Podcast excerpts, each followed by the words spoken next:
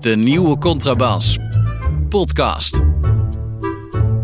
Over hedendaagse literatuur en de wereld daaromheen. Met Chrétien Breukers, een elitaire Limburger. En Hans van Willigenburg, zomaar een Zuid-Hollander. En daar gaat hij weer, aflevering 9 van de nieuwe Contrabas podcast. We hebben een uh, intro met een uh, straf spoorboekje. En uh, het eerste punt op het spoorboekje is dat we een prijs hebben uit te delen. Altijd een, toch wel een vrolijk eerste punt, uh. Ja, prachtig. Ik heb al een hoedje met alle namen van mogelijke winnaars voor me staan. Dus we kunnen zo grabbelen. Ja, we moeten misschien eerst even uitleggen wat de prijs ook alweer was. Want je moet nooit uitsluiten dat mensen pas uh, vanaf podcast 9 naar uh, ons zijn gaan luisteren. Uh, mijn stopwoordje is eigenlijk. En de opdracht aan de luisteraar was vorige week hoeveel keer ik eigenlijk had gezegd in, in die podcast. En iedereen zat er volgens mij onder, toch, Ketje?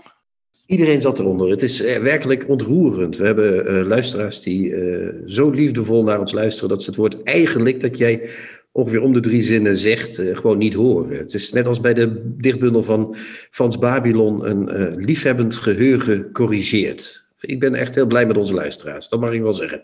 Maar goed, we hadden dus heel weinig goede, uitzending, goede inzendingen. We hadden trouwens daarbij ook nog alleen maar uh, uh, inzendingen die veel te laag lagen. Want het lag ruim over de 20, misschien zelfs over de 30. Ja, daar hadden we het net al over. Ja, dus dat en, en, en maar ja, alles, ja. Alle, alle schattingen waren onder de 20. Dus dat is echt fantastisch. Is dat. Dus we hebben alle verkeerde uitslagen bij elkaar gedaan.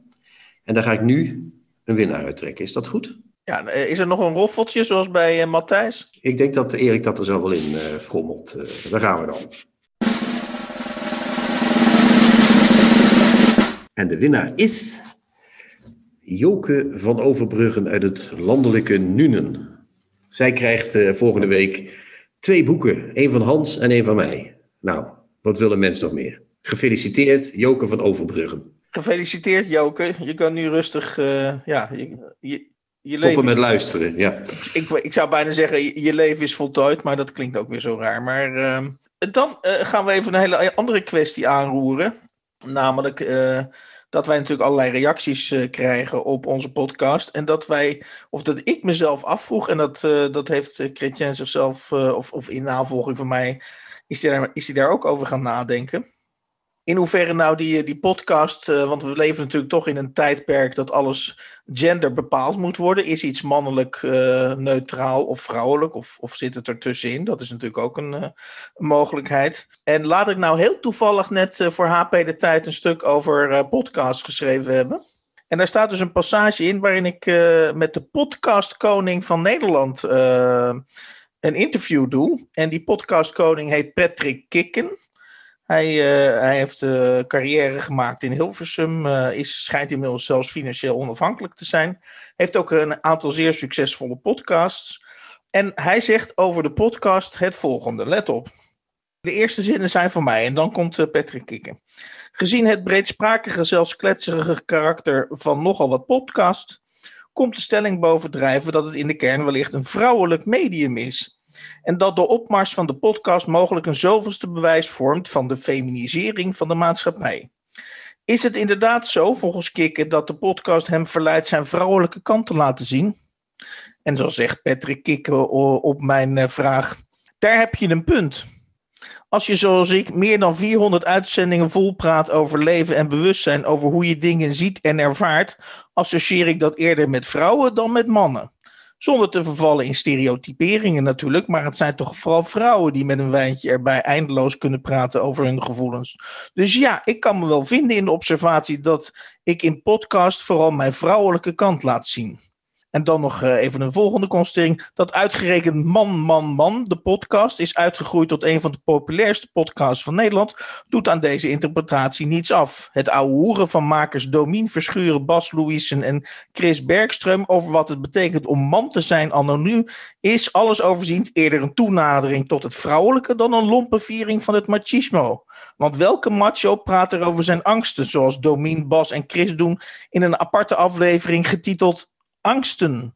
Ook bij hen waart de feminisering rond. Ja, prachtig. Ja, ik denk, uh, mooi gezegd. Uh, ik, ik, ik vind het moeilijk om uh, op het mijnenveld van, het, van de genderpolitiek te begeven. Maar het is zo dat alle podcasts die ik leuk vind ook, en ook omdat ik wat ik het leuk vind om deze podcast te maken, alle podcasts die ik leuk vind en onze podcast zijn op, zijn op hun best, vind ik zelf, als er een klein beetje gebabbeld wordt. Hè? Dat hoort toch een beetje bij de podcast. Het hoeft niet allemaal, uh, alles hoeft niet ter zake te komen. Gijs Groenteman, uh, uh, bij de krokante leesmap, die Roelof de Vries. Aafbrand Korstius. En Mark-Marie Huibrechts. Dat zijn eigenlijk prachtige voorbeelden van hoe je hele leuke podcasts kunt maken die toch nog inhoudelijk goed zijn, maar waarin flink en van harte gebabbeld wordt. Wanneer wordt het van spreken gebabbel? Eventjes, ik, moet hier, ik, wil, hier even, ik wil hier even hom of kuit. Ja, als je bijvoorbeeld uh, zegt van uh, je kunt het hebben over, zoals Mark Marie en Aaf het hebben over uh, dat Mark Marie ooit meegedaan heeft aan een televisieprogramma. En dan gaat hij uitleggen dat daar een conflict is geweest. Dan zou je nog kunnen zeggen dat kan op de radio. Hè? Maar als je dan helemaal in extenso een grappig verhaal gaat vertellen hoe dat allemaal fout gegaan is, waarin hij heel persoonlijke dingen vertelt die hij anders nooit zou zeggen, dan wordt het persoonlijker, zou je kunnen zeggen dan zou je het gebabbel kunnen noemen, maar dan wordt het dus ook persoonlijker. En dan wordt het ook grappiger eigenlijk. En dat zou, op Radio 1 zouden ze dat wegknippen. Maar de, eigenlijk, zoals je het nu brengt, is de podcast dus het emancipatoire, uh, is het emancipatiemiddel van het gebabbel, in feite. Dat... Ja, dat denk ik wel, ja. En dat is ook wel weer nodig, want het was wel erg, uh, het was wel heel erg serieus op de radio en hetzelfde. Dus ik zie dat ook wel als een noodzakelijk tegenwicht. Goed, dan hebben we nog een, uh, tot zover deze gender, uh, deze gender kwestie. Dan hebben we nog een andere kwestie die we moeten bespreken. Namelijk dat we net erachter zijn gekomen. In casu, jij bent er net achter gekomen, Kretje. Want jij volgde de literaire pers toch net even wat, wat nauwer dan ik. Is dat we, we, ik zeg we, namens de literaire gemeenschap, zijn we een, een literaire prijs rijker geworden. Ja, dat heet de Boomprijs. Uh, dat is een uh, um, Vlaamse prijs dus. is ingesteld door de Vlaamse cultuurminister Jan Bon van, het, van de nieuwe Vlaamse Alliantie. Het is een prijs voor literaire fictie en non-fictie van 50.000 euro per jaar. En een prijs voor het Vlaamse jeugdboek van ook 50.000 per jaar. Als er 50.000 euro naar de literatuur gaat, is dat op zich natuurlijk een reden om, uh, om al eventjes de vlag uit te steken. Maar zijn er nog andere redenen om, om dit onder de aandacht te brengen? Ja, zeker. Ik denk dat het heel opvallend is dat het uh, wordt gedaan door, de, door, door een minister van de nieuwe Vlaamse Alliantie. Een partij waar de meeste Vlaamse intellectuelen toch eigenlijk op neerkijken. Die uh, ook altijd als cultuurvijandig te boek staan. Is er een Nederlandse partij die te vergelijken is met de nieuwe Vlaamse Alliantie? We hebben geen echte nationalistische partijen. Hè? Je zou kunnen zeggen dat de NVA een kruising zou zijn tussen tussen, het, tussen Forum voor Democratie en de VVD, en met dan met een nationalistische component erin. Ja, dat is niet te doen. Dat is, de Vlaamse politiek is sowieso niet uit te leggen. Dus dat is, uh... Maar hoe, hoe onlogisch en vreemd is het eigenlijk dat een dergelijke partij uh, zijn oog op de literatuur laat, uh, laat vallen? Je zou kunnen zeggen dat het vanuit dat nationalistische oogpunt heel logisch is. Ze hebben laatst bijvoorbeeld ook een manuscript van Paul van Ostaaien gekocht. Diezelfde minister bedoel ik heeft dat gedaan. bezette stad, om dat te laten tentoonstellen. Uh, en uh, nu uh, doet hij die prijs dus. En dat is eigenlijk een beetje alsof Halbe Zijlstra zou zeggen van... weet je wat, we gaan eens een literatuurprijs instellen. Ik denk dat dezelfde verbazing daar in Vlaanderen nu... Voor zich van de mensen meester maakt. Al heeft Jan Bon niet voor 200 miljoen bezuinigd uh, eerst. Maar goed, uh, wat wel uh, natuurlijk zo is, is dat dat nationalisme dus blijkbaar ook een aanjager voor cultuur kan zijn. Dat is wel weer grappig natuurlijk. Dat is een nieuwe wending. En, en tot slot, verwacht jij dat het, het, het aannemen van die prijs, want die prijs gaat dan geloof ik in 2022 voor het eerst uitgereikt worden. zeg jij van degene die die prijs. Want, want het, het, weigeren van een prijs is natuurlijk zeker in Nederland, maar misschien ook in, in Vlaanderen is dat natuurlijk redelijk bon ton. Of dat wil wel eens gebeuren. Uh, degene die van de NVA, toch een wat, wat verdachte partij dus, begrijp ik van jou, uh, een prijs, 50.000 euro aanneemt, die, die, is die niet gedoemd verketterd te gaan worden? Nee, dat denk ik niet, want niets hypocriets is ook de Vlaming vreemd. Maar wat, wat, wat ik wel denk is dat de prijs, en dat zag ik ook in de pers eromheen, ik, ik, las ook alweer dat de boekhandel er blij mee was. Dat betekent dus dat het uiteindelijk allemaal cultuurpolitiek is en ook allemaal om de verkoopcijfers van sommige boeken gaat. Dus uiteindelijk zal bij deze grote prijs hetzelfde mechanisme als bij andere grote prijzen in Vlaanderen die verdwenen zijn. En uh, bij, in Nederland zal hetzelfde worden. Het gaat om één of twee schrijvers die naar boven worden getild. En die zogenaamde aandacht voor literatuur zal allemaal wel weer loslopen. Helaas, moet ik zeggen. Nou, ik vind in ieder geval de bijnaam van deze prijs, of de verkorte naam, vind ik al grappig. Namelijk, ik heb de, de, de boon. Dus met andere woorden, dat klinkt wel goed. Van nou, ik heb in uh, eh, 2032, weet je nog, heb ik toen de boon gewonnen. Ja, het is van, van de schrijver Louis Paul Boon, hè? dat wist je, of niet? Ja, dat wist ik. Ja, ja, dat, ah, sorry. Ja, dat Zover was ik net ingevoerd. Ja, maar de en ik heb een boontje voor iets, dat is een Vlaamse uh, woord ook, als je iets leuk vindt. Dus het is een leuke, het is een leuke naam. Ja. we dat en wij kunnen, ook, wij kunnen hem in, in, theorie kunnen wij hem ook winnen. Ik denk dat we hem gaan winnen de eerste keer, ja. Zullen we hem verdelen dan, of niet? Moet je horen. Hans leest een favoriete passage voor uit een boek dat hij onlangs gelezen heeft. Dit keer heb ik uitgezocht voor Moet je horen uh, een passage uit uh, de roman Geluk als het geluk ver te zoeken is. Prachtige titel alleen al van de Duitse schrijver Wilhelm Genazino. En uh, nou denkt u misschien, hoe kom je nou weer op het spoor van Wilhelm Genazino? Volgens mij heb ik ooit in een krant gelezen dat uh, Genazino de Duitse Wellebeck was. Met andere woorden, toen was mijn nieuwsgierigheid gewekt. En toen heb ik onder andere deze roman gelezen. En dat gaat over een filosoof. Dan, ik leid dat even kort in. Dat gaat over een filosoof die eigenlijk aan de rand van de maatschappij uh, staat en uh, moeite heeft om mee te doen in de samenleving, uh, zichzelf dus veel te veel vragen stelt en weinig productieve vragen ook. Um, en in hoofdstuk 2, wat ik zo ga voorlezen, um, hij twijfelt ook aan zichzelf als huwelijkskandidaat. En hij begrijpt eigenlijk niet dat er dus een, een, zich een dame heeft gemeld die daadwerkelijk met hem wil gaan trouwen. Nou, eh, een beetje uh, op, op dat punt zijn we aanbeland. Toch hebben we sinds een paar maanden last van onaangename, tot nu toe overwegend stilzwijgend uitgevochten meningsverschillen. Het probleem is, Troudel wil nu toch dat er getrouwd wordt. Niet meteen, maar wel ooit. Ik geef toe dat ik in het begin van ons samenleven een huwelijksvoltrekking, het woord alleen al, niet volledig heb uitgesloten. Maar ik heb er min of meer op gerekend dat Troudels huwelijkswens met de jaren zou verdwijnen. Het tegendeel is het geval. Mijn afweerstrategie was aanvankelijk mezelf als ongeschikte huwelijkskandidaat presenteren. Steeds weer heb ik gezegd dat het me een raadsel is waarom een vrouw uitgerekend met mij getrouwd zou willen zijn. Ik heb het zowel over mijn openlijk als over mijn verborgen slonzigheid gehad. Over mijn afkeer van verantwoordelijkheid. Over mijn rampzalige kwaliteiten als doe-het-zelver. Trouwens, helemaal over mijn gebrek aan animo om me bezig te houden met zaken als vakantieplanning, het incidentele schoonmaken van de kelder, het onderhoud van de auto enzovoort. Het antwoord van Troudel is stevast dat mijn tekortkomingen haar sinds jaar en dag bekend zijn, maar dat ze geen reden vormen niet met mij getrouwd te willen zijn. Daarna heb ik een argument aangevoerd dat ik zelf bijzonder subtiel vond. Ik zei dat ik me door een huwelijk sterk beperkt zou voelen. Niet feitelijk beperkt, maar alleen in mijn fantasie beperkt. En dat de gefantaseerde beperking veel erger was dan een echte.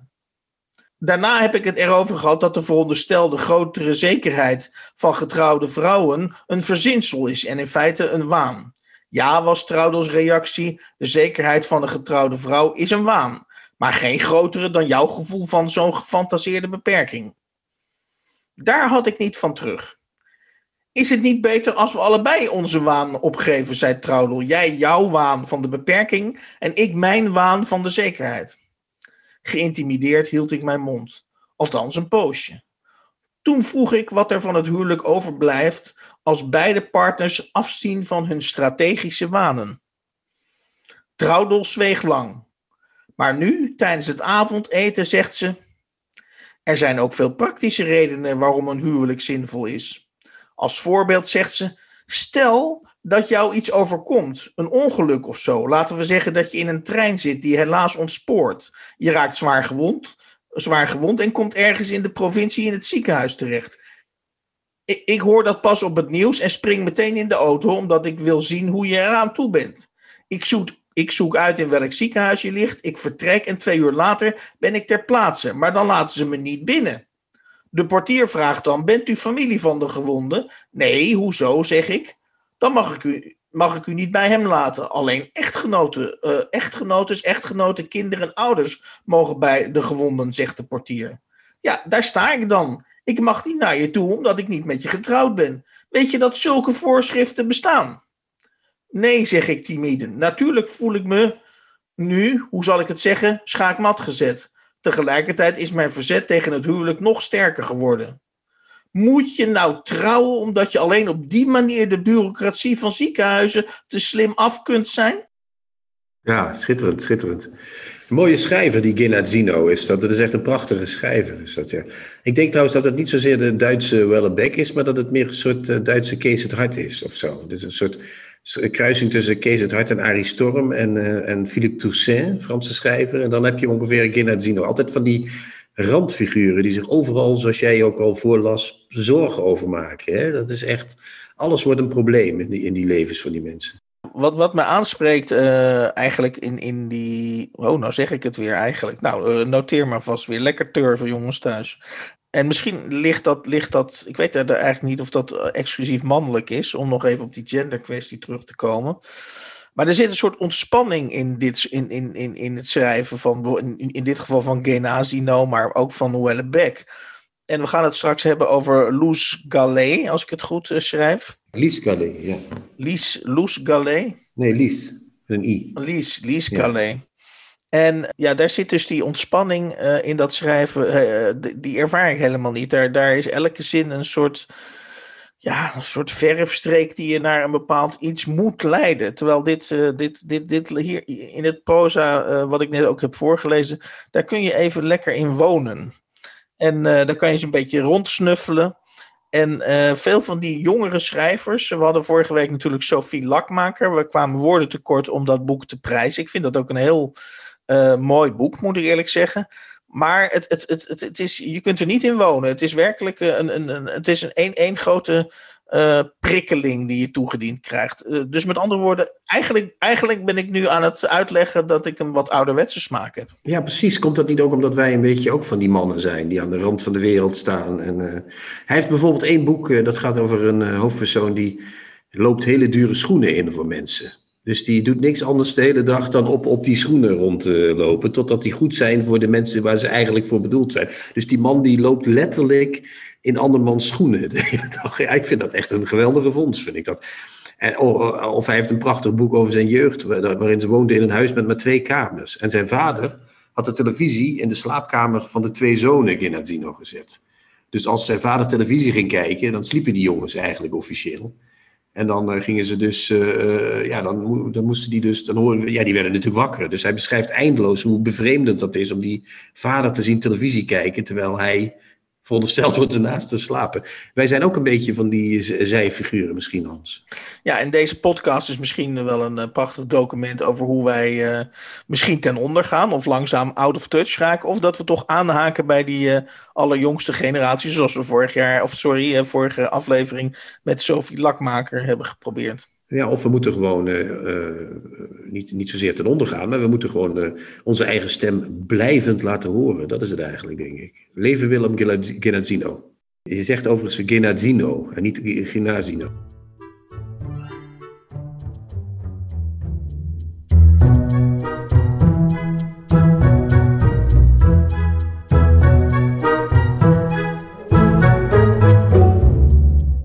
Ons is uh, Mark Vleugels uh, van uitgeverij Vleugels, naar hem zelf genoemd dus.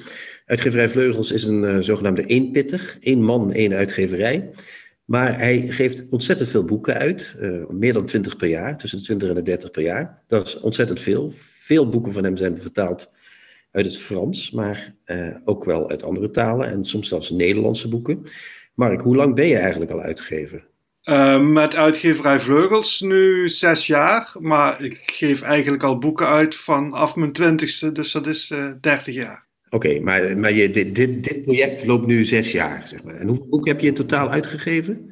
Ja, ik, ik ben de tel kwijt, maar begin volgend jaar zijn het er 200. Goed zo, dus je zet er aardig de sokken in, zeg maar. Ja. Dus, uh, jij bent een eenpitter, maar je hebt bijna de productie van een grote uitgeverij, als ik het zo uh, mag zeggen. Uh, je hebt een grote bekendheid met, met een aantal Franse auteurs die je hebt uitgegeven.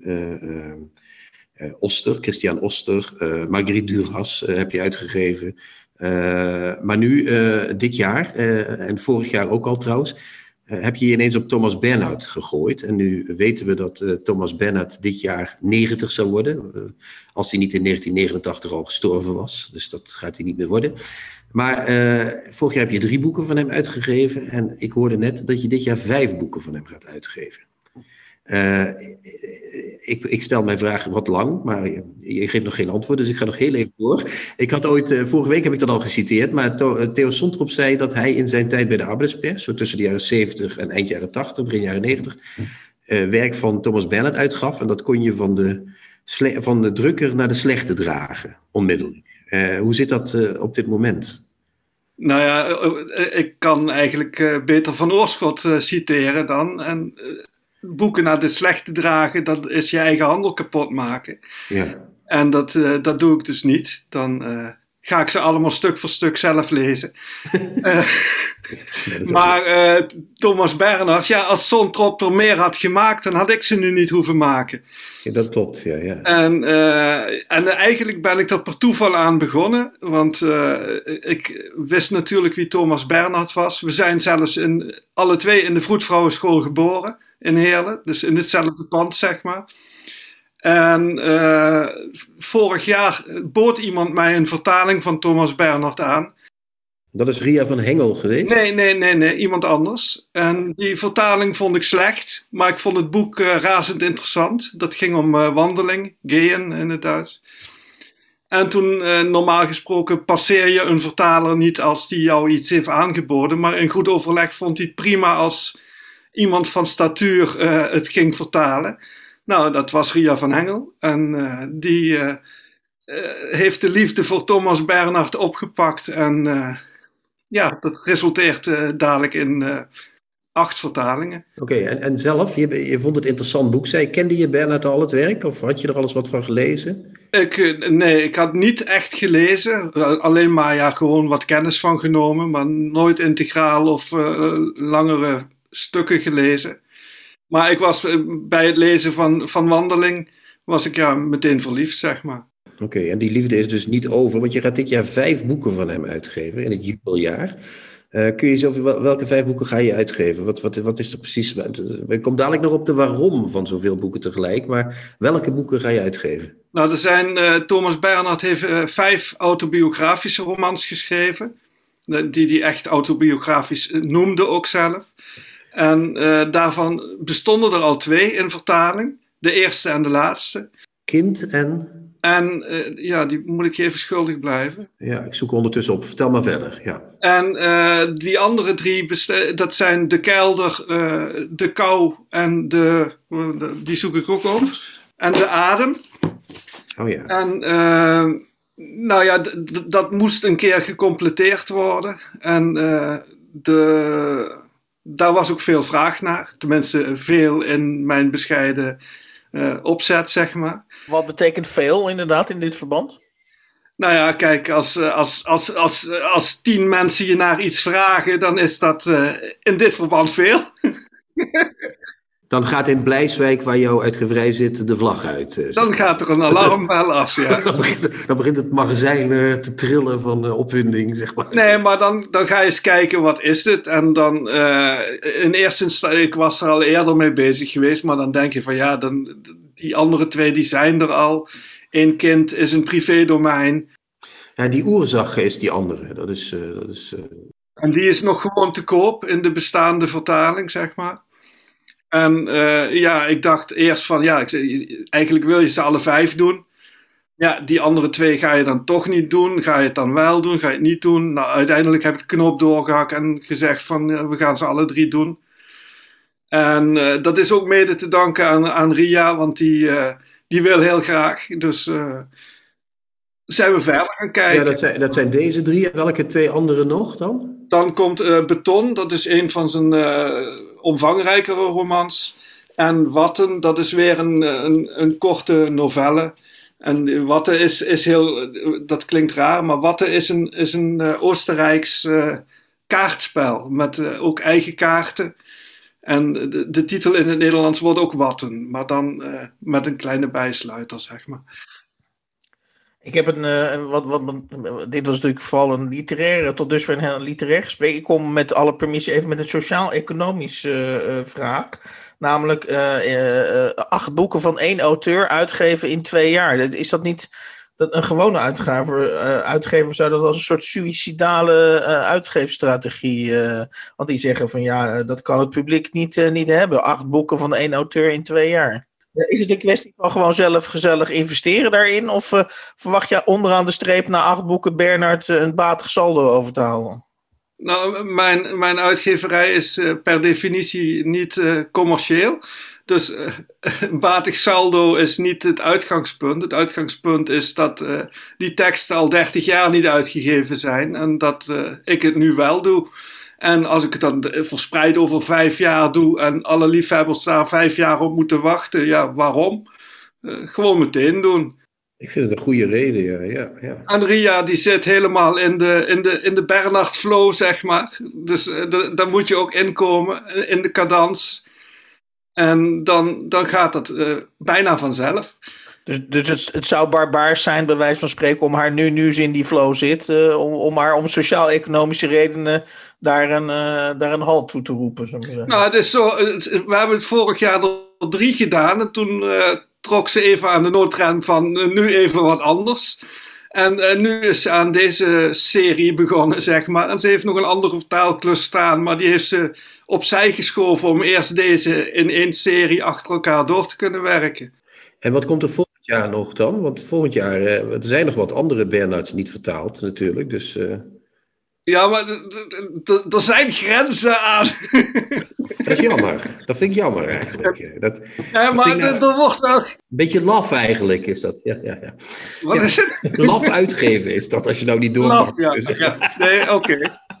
Hey, maar, maar wil... kijk, jij zei tussen de 20 en de, en de 30 titels, maar het zijn er 35 uh, dit jaar. En en volgend jaar ook. Dus ja, ik, ik kan het voor Thomas Bernhard wel oprekken naar 40, maar ja, dat. Uh... en heb je, nou, heb je nou als uitgever. Want ik ken jouw boeken ook als zeer geserreerd uitgegeven. Dus zonder auteursfoto, uh, zonder, zonder poespas. Um, ja, ik zelf zou dan de neiging hebben om toch zo'n auteur op een bepaalde manier te omschrijven. Om hem, om hem onder de aandacht van een groter publiek te brengen. Uh, dat is best voor Bernard zou dat best wel een ingewikkelde opgave zijn. Want dat is natuurlijk wel een schrijver, is niet een schrijver die zich heel makkelijk leent uh, om onder een groter publiek bekendheid te. Uh, wil je, doe jij nog een poging of zeg je nee, ik beschrijf gewoon de inhoud op de achterkant en dat moet genoeg zijn. En dan ben je geïnteresseerd in Bernard en zo niet even goede vrienden, doei doei. Nou, dat laatste. Een, een, literatuur is een vorm van kunst. En en een boek is een autonoom werk. Uh, als ik naar het museum ga, hangt er ook geen foto van Mondriaan naast zijn schilderij. En een kleine levensbeschrijving en wat een of andere journalist ervan vond. Ja, helder antwoord. Een team met de griffel voor deze duidelijke stem, stellingname. Ja, ja. Ik, ik, wij hebben het wel eens over uh, tegeltjes, maar uh, het boek is een autonoom kunstwerk. Dat mogen we wel in, in ons, als we ooit een vlag gaan maken van ons programma, dan zetten we dat daarin. Uh, dat is fantastisch. Wat ik toch nog even wil weten, Mark. Um, Thomas Bernhard is in de, in de Duitsstalige wereld, maar ook in Engelstalige landen, toch wel echt een auteur die goed verkoopt. Hè? Of in ieder geval goed verkocht heeft. Vroeger die boeken van hem, dat liep aardig. En in Nederland is dat nooit helemaal uh, gelukt met hem, gek genoeg. Wat zou dat nou zijn? Ik bedoel, ik, ik, ik zie hem echt als een hele bijzondere auteur. Enerzijds met humor, anderzijds zeer grimmig. Heel Oostenrijk zou je kunnen zeggen. Die gruwelijke zelfhaat die overal van afdruipt. Uh, maar eh, dat zou toch in Nederland ook moeten aanslaan, denk ik. Maar nou, dat... ik, ik, denk dat het niet alleen aan Thomas Bernhard ligt. Uh, het ligt aan het feit dat uh, vertaalde literatuur in Nederland uh, sowieso op zijn retour is. Ik denk dat de Nederlandse mensen, lezers, het niet aankunnen. Het is natuurlijk één nou, nou ja, dat, uh, ik, ik, ik zat toen straks al te denken van wat ga ik zeggen. Erasmus heeft een, eh, een uitspraak uh, gedaan en die vind ik wel op Bernhard van toepassing. En dat is dat ik door de waarheid te spreken de indruk wek kwaad te spreken. En, en dat dan in een dusdanige sneltreinvaart aan één stuk door. Ik, ik zeg zelf wel, ik, ik vergelijk Bernard wel eens met Beckett in die zin dat hetgeen wat je op papier hebt staan, eigenlijk is wat zich in zijn hoofd afspeelt. Dus als hij in zo'n uh, roman bezig is van als ik niet naar de eik was gelopen of als ik wel naar de eik was gelopen en dat gaat dan, ik weet niet welke boeken je gelezen hebt, maar over, ook het hele, het hele relaas over het kopen van die broek van ondeugdelijke kwaliteit, dat, dat gaat dan over 30 pagina's. Maar als ik in een klerenwinkel geweest ben en ik heb een slechte broek gekocht, dan speelt zich dat in mijn hoofd ook af. Ja, of je brengt hem terug, zou je zeggen. Maar Bella brengt hem niet terug. Die gaat er eindeloos over uh, door. Uh. Ja, ja, die gaat eindeloos door. En dat, ik, ik denk dat, uh, dat, dat, dat het taaltechnisch van een moeilijkheidsgraad is en inhoudelijk van een neurotische kwaliteit is. Die moet je waarderen. En blijkbaar past dat niet helemaal bij de Nederlandse... Nee. Je moet al in Heerlen geboren zijn om dat te kunnen waarderen. Hè? Of in de buurt van Heerlen om dat goed te Nou, dan zou je zeggen dat, het boek daar, dat de boeken daar heel goed zouden verkopen. Maar dat is nou ook weer niet het geval. Dat is jammer, dat is jammer. Van de andere kant, Thomas Bernhard uh, zei in Oostenrijk altijd dat hij bij de zee geboren was. Dus dat... Dat is knap. Ja, dat, is knap. Vanuit Oostenrijks perspectief klopt dat. Vanuit, ja, klopt. Ja, ja, ja, dat is waar. Ja, ja, fantastisch. Nee, het is, het is, het is duidelijk. We, we, we hebben hier te maken dus, Mark, met een fantastische auteur. Prachtige boeken, inderdaad, taalkunstwerken. En een even fantastische uitgever. Fijn dat je dit even wilde toelichten. Um, we vinden het jammer dat je na die acht boeken geen volgende gaat doen voorlopig. Maar mocht je dat nog gaan doen. Niet dit jaar, hè? nou, dan staat de afspraak voor volgend jaar al. Dus dan kom je volgend jaar terug. Dankjewel. Het debuut. Hans en Chrétien fileren een literaire nieuwkomer. Deze keer gaan we bespreken uh, het pas verschenen boek, uh, of de verhalenbundel liever gezegd. Het watervangen van Lies Gallet. En ik lees uh, op de achterflap dat ze, dat ze al uh, zomaar een paar keer in de prijs is gevallen. Ze heeft namelijk de publieksprijs van de A.L. Snijdersprijs gewonnen. En verder heeft ze ook de Hendrik Prijsprijs en de Totaalprijs. Ik weet niet of dat, uh, ik weet niet of dat van die oliemaatschappij is. De Totaalprijs. Nee, dat denk ik niet. Het is de Totaalprijs. Dus met andere woorden, uh, Lies is nog maar net 30 gepasseerd. komt net met haar eerste boek. En ze heeft dus al drie prijzen gewonnen. Maar uh, ja, dan komen opeens uh, en Hans van Willigenburg in zicht. En uh, wat betekenen dan die prijzen nog? Die prijzen betekenen natuurlijk altijd wat, voor haar in ieder geval. Of je nou de totaalprijs wint of de Kwik en Flupke wisseltrofee, ik weet het niet. Maar um, prijzen betekenen iets voor de auteur, maar niks voor de rest van de wereld. En ehm, ik moet zeggen dat ik, als ik even over dit boek begin... Hè, ja, ik, ik, ik begon met veel, uh, met veel uh, optimisme. Nee, ik, ik vond het echt. Ik had er echt zin in. Hè? Ik zag ook meteen het bron met de, met de motto's. Lies schreef signalen af. Ze heeft de motto van Ursula K. Ursula K. Le Guin. Een motto van Roosbief, zangeres. Een motto van de schrijfster Maggie Nelson. Ik, dat zijn allemaal culturele signalen, uh, auteurs. Ja, het staat vol met motto's. En, en, en, en, normaal heb je dat aan het begin van het boek, uh, motto's. Maar, maar dat gaat hier de hele tijd door, ja. Dat gaat hier de hele tijd door. Ik zag ook een motto van Nabokov. Uh, of Nabokov. Ja, ja, ja. ja, of zoiets. Ja, ja, we, moeten dat, we gaan eens een keer een hele uitzending doen over het uitspreken van schrijversnamen. Dat is wel leuk. Maar goed, ik, ik begon dus met veel moed. En die, die, die, die, die citaten die ze geeft, die, die passen mij wel. Hè. Ik dacht, goh, dat is iemand die zich baseert op uh, boeken die, of op schrijvers die ik ook uh, leuk vind en op muziek die ik leuk vind.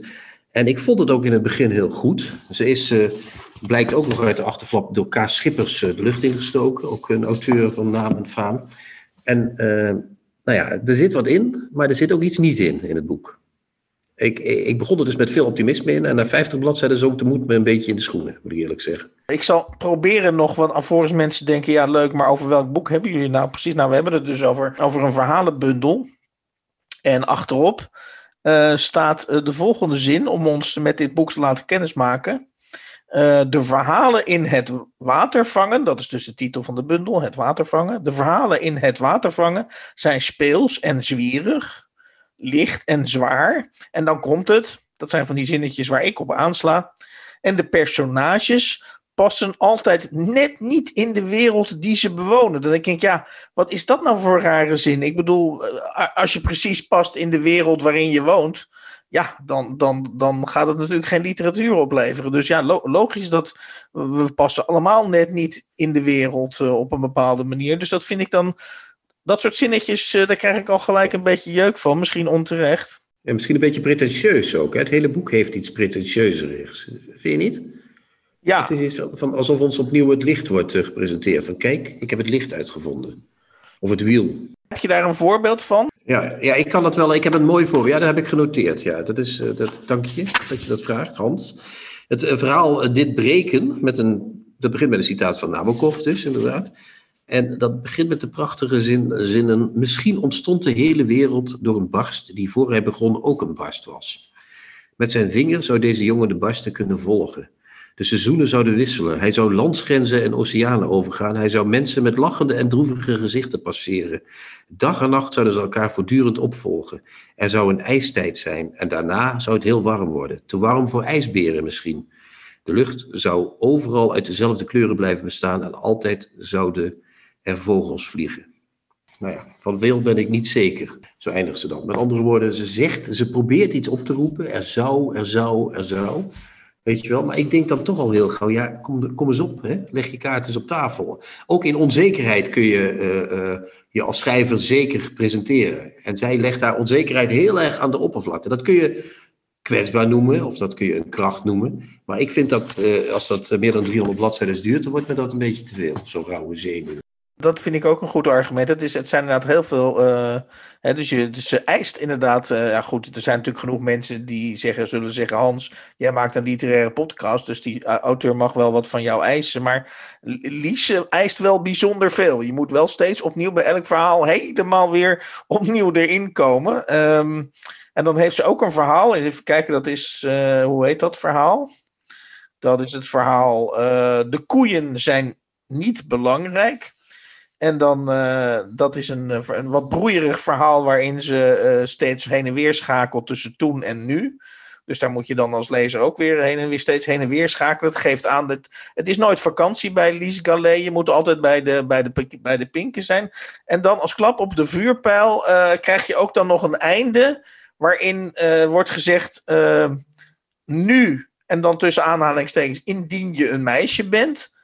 En dan even later nu indien je een jongen bent. En nu indien jij jezelf bent.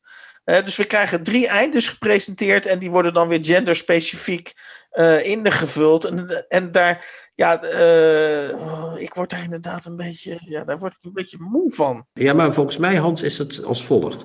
Dit is in wezen geen slechte vondst. Dit had heel mooi kunnen zijn. Maar je moet het wel zo opschrijven dat je als lezer mee wil. We hadden uh, vorige week uh, dat interview met Sophie Lakmaker. In haar boek gebeuren ook dingen die eigenlijk... Hè, ze eindigt met het begin. Nou, de moeder, mijn moeder is al de hele tijd dat ik dit schrijf dood. maar dat geloof je omdat ze het mooi opschrijft. En wat Lies heeft gedaan is dus stramine bedacht van goede verhalen... En die heeft ze nog net niet goed genoeg ingevuld. En dat, daar, op dat moment ontstaat volgens mij die ergernis. Als iemand het mooi opschrijft, kan er echt alles gebeuren in een boek. Want dan word je meegenomen en dan denk je, prima. Maar dat gebeurt hier dus helaas niet. Ja, mijn, de indruk die ik van, van dit boek krijg is dat, dat, dat Lies misschien wel hele interessante dingen uh, in haar hoofd. Zitten hele interessante dingen die naar buiten moeten. Maar wat er dan daadwerkelijk op papier komt te staan, ja, dat, daar, daar word ik niet door meegesleept. Uh, en ik heb dan nog één citaat uh, of passage van 200, op pagina 268. En dat komt dan uit het verhaal. Ik ga nu even live terugbladeren dat ik het juiste verhaal heb. dat is het verhaal Dagen waarop de zee slaapt. Ja, het zijn ook allemaal van die uh, titels waarvan je denkt, het is meer eerder een gedicht misschien dan een verhaal, maar goed. Uh, en dan uh, komt dus de volgende passage voor, typisch Gallet. Al mijn gedachten cirkelen nu als onzichtbare vuurvliegjes rond de perfectie die ik vanochtend achterliet. En vormen bij wijze van spreken op die manier een kern. Zo zou ik het ook voor je, voor je kunnen zeggen een bewegende kern, terwijl ik op het strand zit en met mijn handen kuiltjes in het zand maak. Ja, ja nou ja, dit is, een dus, beetje. Ja. Uh, dit is dus een, Ik zie onze technicus ook even uitblazen van, dit soort, van deze passage. Ik, eh, ik voel met hem mee. Nou ja, dit is dus, uh, dit is dus wat je op je hals haalt als je af en toe jezelf de buten laat lezen. Maar toch, het gekke is, is wel veelbelovend, vind ik. Maar ze moet af van het idee, dat ze zegt steeds tegen zichzelf, ik zou dit kunnen doen. Ik doe maar ik zou zeggen, ga dat maar eens doen dan. Hè? Dus een wat meer praktische invulling van het schrijverschap eigenlijk. Ja, want uh, vaag schrijven is ook niet makkelijk, zeg maar. Dat is het. Dat, dat, maar dat kan ze dus wel goed. Nee, dat kan ze dus niet goed, want dan zou je je niet ergeren aan die vaagheid. Voorbij Lobit. Onterecht onzichtbaar gebleven schrijvers uit het buitenland. Nieuwe rubriek. Ja, dat gebeurt ook niet elke dag in uh, de nieuwe Contrabas podcast. Maar dit keer wel, omdat we eigenlijk zo enthousiast waren over Marika, uh, Marika's vorige tip, namelijk Janet Malcolm, waarvan we weten dat een aantal luisteraars daar zo enthousiast over waren dat ze gelijk uh, naar Bolcom of naar de lokale boekhandel, wat natuurlijk veel beter is, zijn geklikt om, om Janet Malcolm te bestellen. Welkom Marika in onze podcast. Uh, ja, de logische vraag is, na Janet Malcolm uh, ga je ons dus nu met een nieuwe auteur laten kennismaken die net als Janet Malcolm eigenlijk in Nederland nauwelijks bekendheid geniet. Ja, dat klopt. Het is niet zoals Janet Malcolm een oudere auteur. Ze is niet, het is wel een vrouw. Ze is nog vrij jong, midden 40 nu. Het gaat om Astrid Rosenveld, een Duitse geboren in Keulen in 1977, van wie, en dat is geheel toevallig en niet zo geanceneerd, morgen haar vijfde roman, Die Einzige Straße, de enige straat, uh, even snel vertaald, verschijnt. Heel kort, wie zij is. Zij groeit uh, op in Keulen. Aanvankelijk was de bedoeling dat ze de toneel in zou gaan. Dus ze heeft twee jaar in Californië een opleiding gedaan in Berlijn waar ze nu deels woont, niet afgemaakt en is vervolgens de film- en televisiewereld ingerold.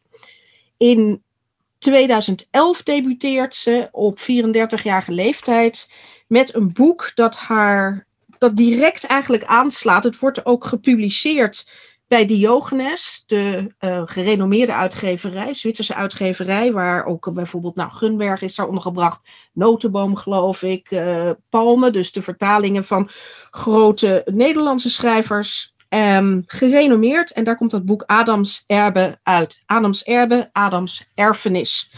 Het boek, om maar gelijk even kort samen te vatten, um, of laat ik eerst zeggen, het boek valt direct ook in allerlei prijzen, wordt ook meteen vertaald, ook in het Nederlands.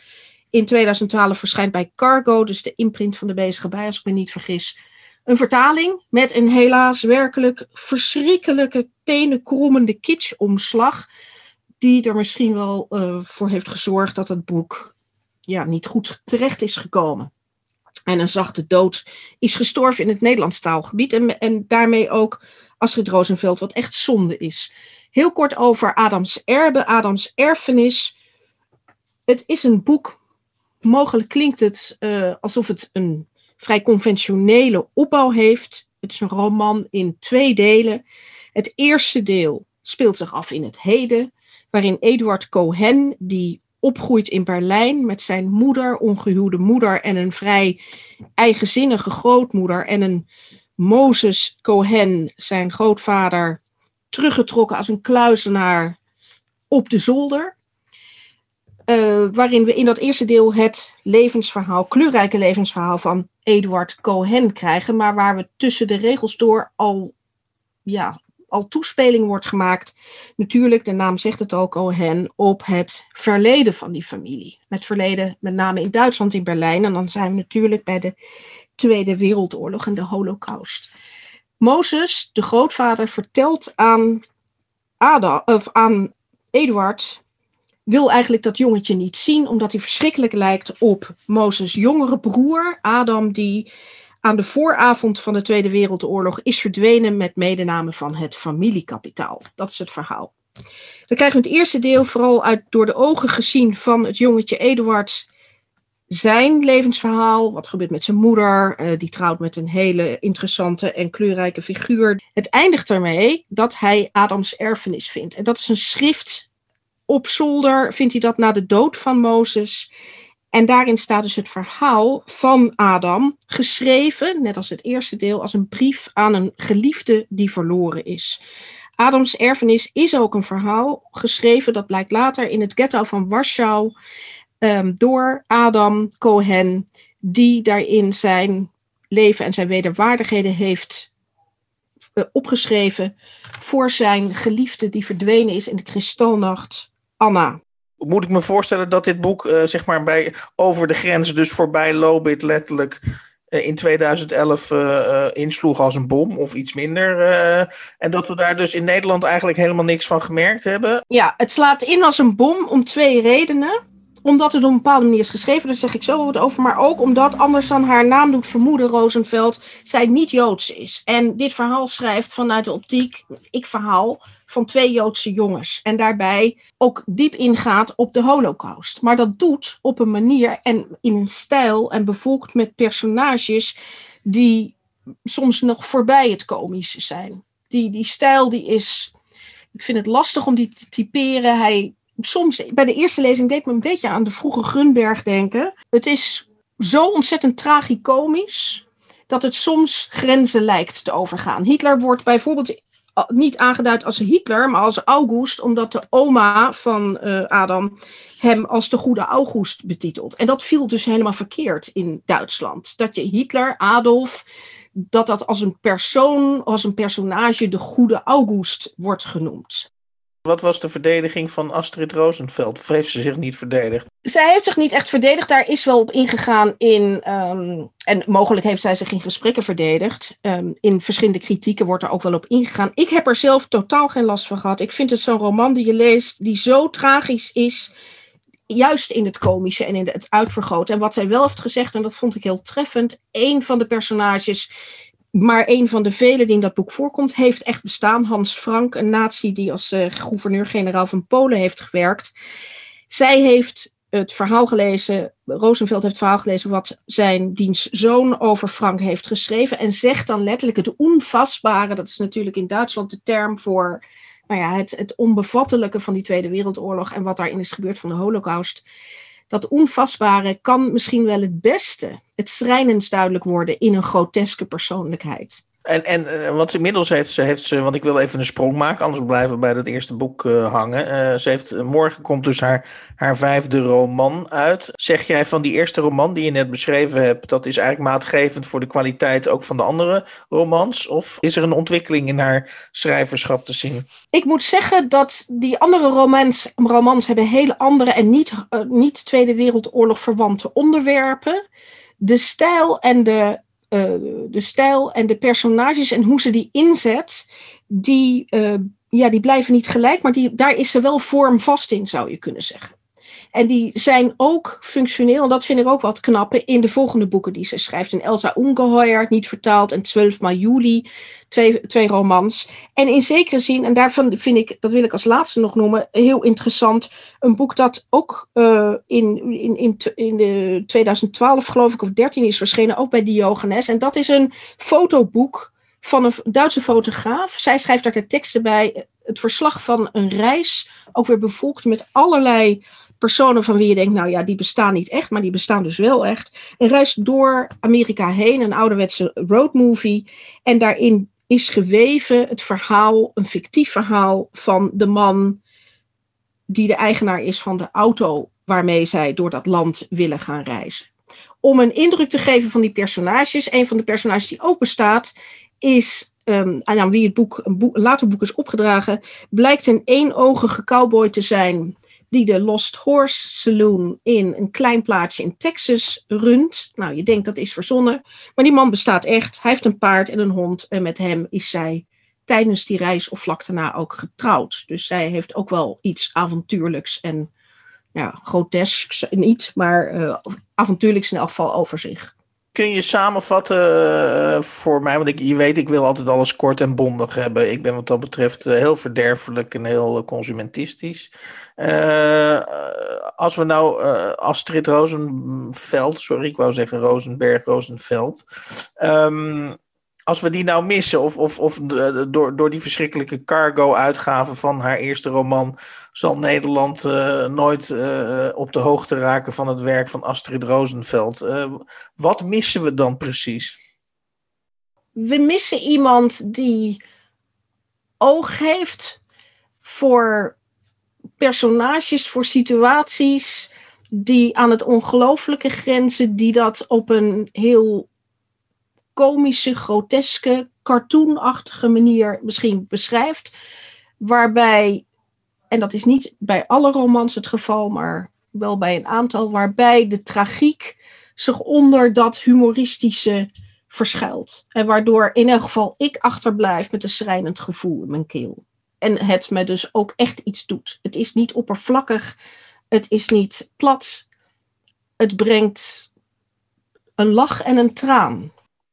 Dus even voor mijn begrip, als Astrid Rosenveld uh, een, een, Nederlandse geweest zou zijn en haar boeken zouden in het Nederlands verschenen zijn, dan zou zij in jouw ogen bij, met afstand uh, uh, de, de meest veelbelovende jonge schrijfster in Nederland zijn. Ze is nu in de veertig, dus echt jong is dat niet. Ik denk dat, we, dat ze wel op een behoorlijke hoogte zou staan. Ik kan niet zeggen, zij is uh, de, de, de, de meest veelbelovende. Maar wat, laat ik het zo zeggen. Ik lees haar voor, voor een boek van Astrid Rosenveld. Wil ik toch wel graag een. Uh, nou ja, de, heel veel Nederlandse boeken inruilen. Laat ik het zo voorzichtig uitdrukken. Wil je nog iets over die stijl zeggen, Marika? Weet je, daar hadden we het uh, kort over, maar dat is, wat, is er bijzonder aan haar stijl? Je zei, ze heeft een... Ik vergeleek dat uh, de eerste keer toen ik het las, toen ik het nog niet hoefde te omschrijven, met Gunberg, met de vroege Gunberg. Waarin er, je zou kunnen zeggen, bijna aforistische zinnetjes, korte zinnetjes. Her, veel herhaling ook optreedt. Ja, Gunberg doet dat nu niet meer, maar zij blijft daar wel bij staan. Wat uh, vervre tegelijkertijd vervreemdend werkt en uitvergroot. Uitvergro het uitvergroten van een situatie, het uitvergroten van een persoonlijkheid, van een individu. Um, ik zou daar het beste ja, een stukje voor kunnen lezen, maar dat, wordt dan, dat moet dan in het Duits, laten we dat maar niet doen. Um, het is een heel toegankelijke stijl en tegelijkertijd waarin ook veel verwezen wordt, met name naar Amerikaanse schrijvers en literatuur. Heel onnadrukkelijk. Het is absoluut geen uh, sample-roman of iets dergelijks. Maar zij, zij observeert en zij ziet in alle schijnbaar zij ziet in een dode duif, om uh, een voorbeeld te nemen uit 12 juli, een dode duif die op straat ligt. Uh, daar weet zij een levensecht personage van te maken. En dat vind ik heel knap. Marika, um, mijn meest prangende slotvraag um, is: welk boek geeft het beste toegang tot haar oeuvre? Als je geen Duits machtig, als je niet het Duits machtig bent, dan begin je met Adams erfenis, want dat is vertaald als enige. Als je wel het Duits machtig bent, dan zou ik ook bij Adams erbe beginnen. Omdat dat het meest. Um, omdat daar de, haar stijl, haar, um, het, zeg maar het uitvergroten, het humoristisch uitvergroten en het, en het groteske, um, het beste niet bij het verhaal past, maar het beste contrasteert met het, met het schrijnende van het verhaal. Zodat die stijl en die personages en hoe zij dat allemaal in elkaar vlechten, volkomen geloofwaardig weten te maken. Hoe, uh, net zoals ze. Ik gaf net het voorbeeld van die duif. Volkomen geloofwaardig weten te maken dat een dode duif, zelfs een onthoofde duif, uh, een van de belangrijkste personages is in een verhaal. Dat komt daar het best tot zijn recht. Tommy, Chrétien reageert op de nieuwste schrijfsels van succesauteur Tommy Wieringa. Tommy is uh, vandaag weer terug, voor de zoveelste keer achter elkaar. Ik had nooit gedacht dat er zoveel zouden komen.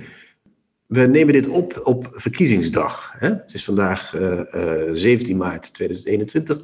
En op 13 maart schreef Tommy in de NSC weer eens een column, as usual. En daarin heeft hij ons onthuld dat er twee soorten partijen zijn waar we op kunnen stemmen vandaag. Waar we op hebben kunnen stemmen vandaag. Eh, ik heb al gestemd. Uh, dat er partijen zijn van de korte termijn en partijen van de lange termijn. Maar Tommy bedoelt daar natuurlijk iets mee. Die zegt dat niet zomaar, want dat is natuurlijk niks voor Tommy. Als, als ik Tommy goed ken en uh, aan de hand van, jou, uh, van jouw Tommy's denk ik dat ik hem steeds beter leer kennen, gaat Tommy natuurlijk voor de lange termijn partijen. Tommy gaat voor de lange termijn, maar dat, dat sowieso. En de lange termijn heeft iets te maken met het klimaat. Het klimaat is namelijk in gevaar, zegt Tommy. Dat is hij niet alleen zegt dat, er zijn natuurlijk heel veel mensen die dat zeggen.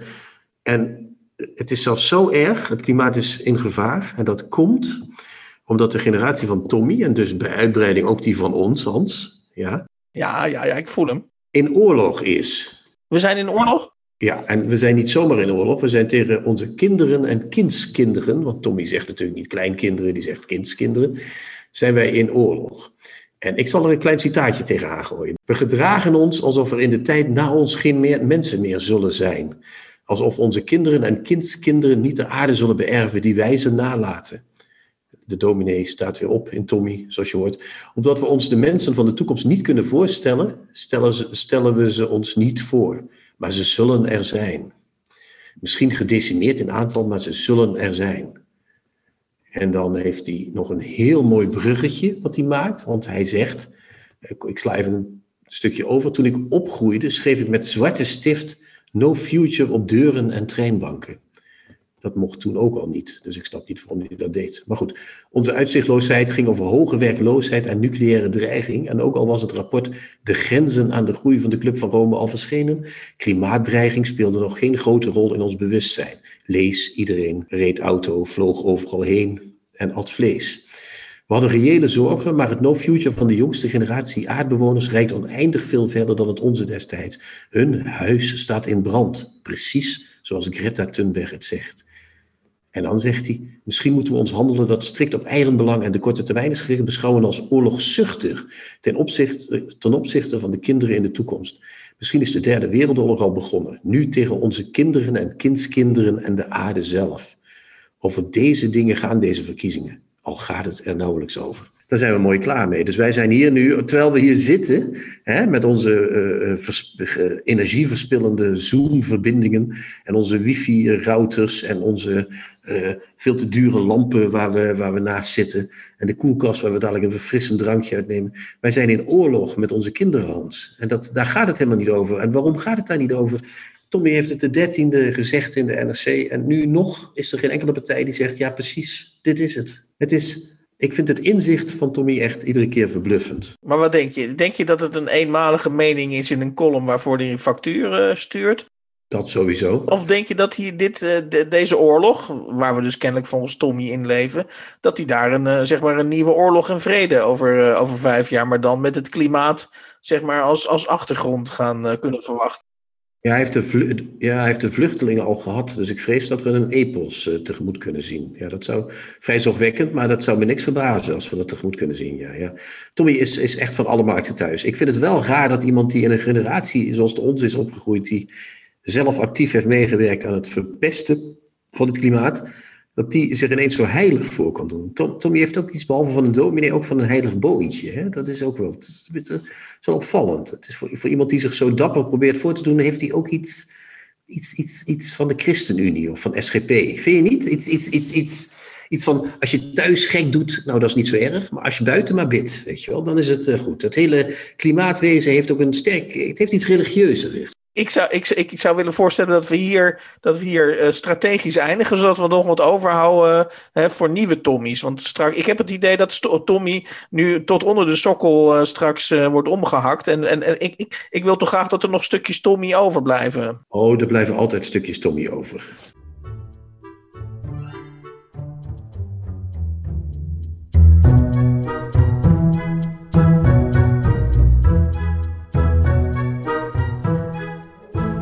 In aflevering 9 van de nieuwe Contrabas podcast eh, bespraken we onder andere Het Watervangen, een verhalenbundel van Lies Gallet, verschenen bij uitgeverij Querido in 2021. Dan las ik een passage voor eh, van eh, Wilhelm Genazino, of Genazino, of Genazino. Dat komt uit de roman Geluk als het geluk ver te zoeken is. En dat is verschenen bij Atlas in 2009.